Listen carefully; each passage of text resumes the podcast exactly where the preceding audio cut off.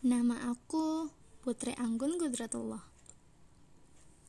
Aku adalah manusia dari ribuan orang yang sering kali mendengarkan ceramah bahwa waktu itu penting. Waktu adalah salah satu nikmat yang agung dari Allah Subhanahu wa taala kepada manusia. Sudah sepantasnya manusia memanfaatkannya secara baik, efektif, dan semaksimal mungkin ya untuk amal soleh. Allah Ta'ala telah bersumpah dengan menyebut masa dalam firman-Nya. Wal asr, innal insana lafi khusr, illa alladhina amanu wa amilu salihat, wa tawasaw bil haqq, wa tawasaw bis sabr. Demi masa, sesungguhnya manusia itu benar-benar dalam kerugian kecuali orang-orang yang beriman dan mengerjakan amal solih dan nasihat menasihati supaya mentaati kebenaran dan menas nasihat menasihati supaya menetapi kesabaran. Ya, di dalam surat itu yang mulia ini Allah Subhanahu wa taala bersumpah dengan masa. Dan ini menunjukkan bahwa pentingnya masa Sesungguhnya di dalam masa terdapat keajaiban-keajaiban. Di dalam masa pula terjadi kesenangan dan kesusahan. Sehat dan sakit, kekayaan dan kemiskinan.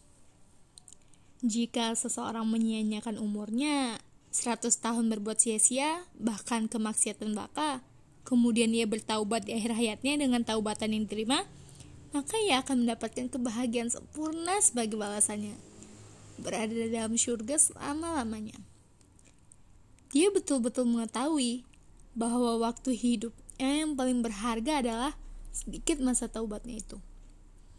Sesungguhnya, masa merupakan anugerah Allah Ta'ala. Tidak ada celah padanya. Hanya manusialah yang tercela ketika tidak memanfaatkannya. Mungkin aku kamu, kita semua sering kali mendengarkan hal ini. Namun, sering kali juga kita mengabaikannya.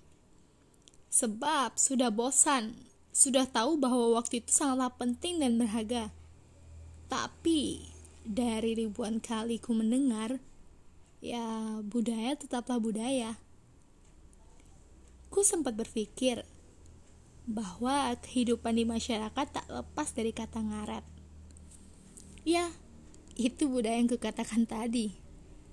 Segimanapun kita tahu bahwa waktu itu penting, tapi ngaret, ya tetaplah ngaret.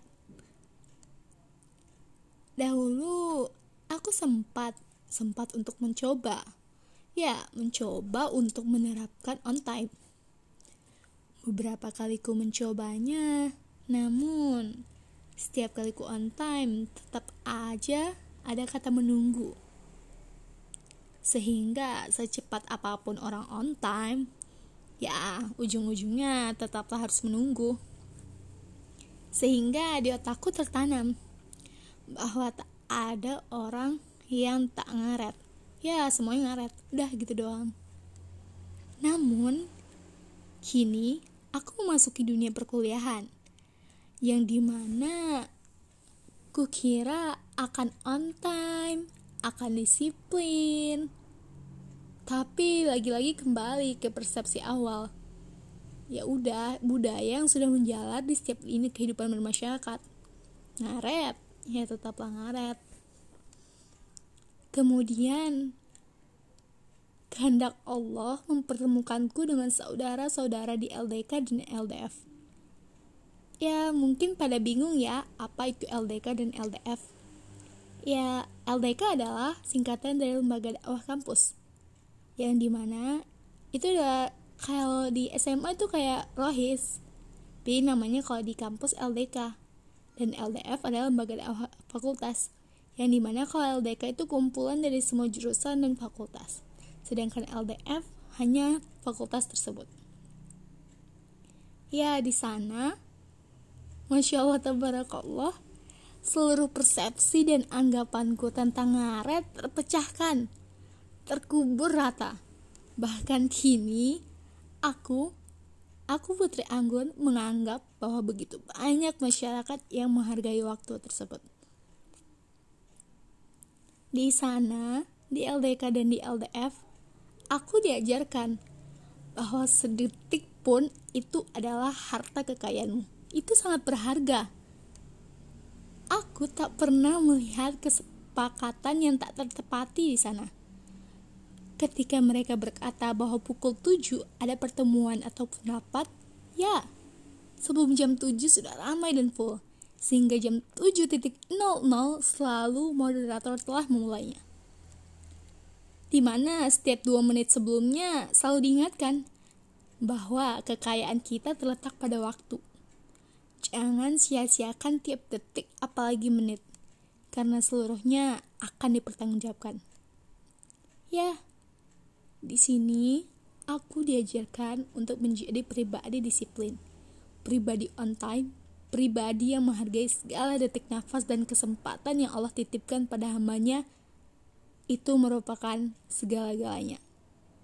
Pribadi yang selalu mengingat bahwa ada hak Allah dalam setiap detiknya, agar selalu menuhankan Allah dengan sebaiknya dan menghambakan diri kepada Allah dengan sebaiknya.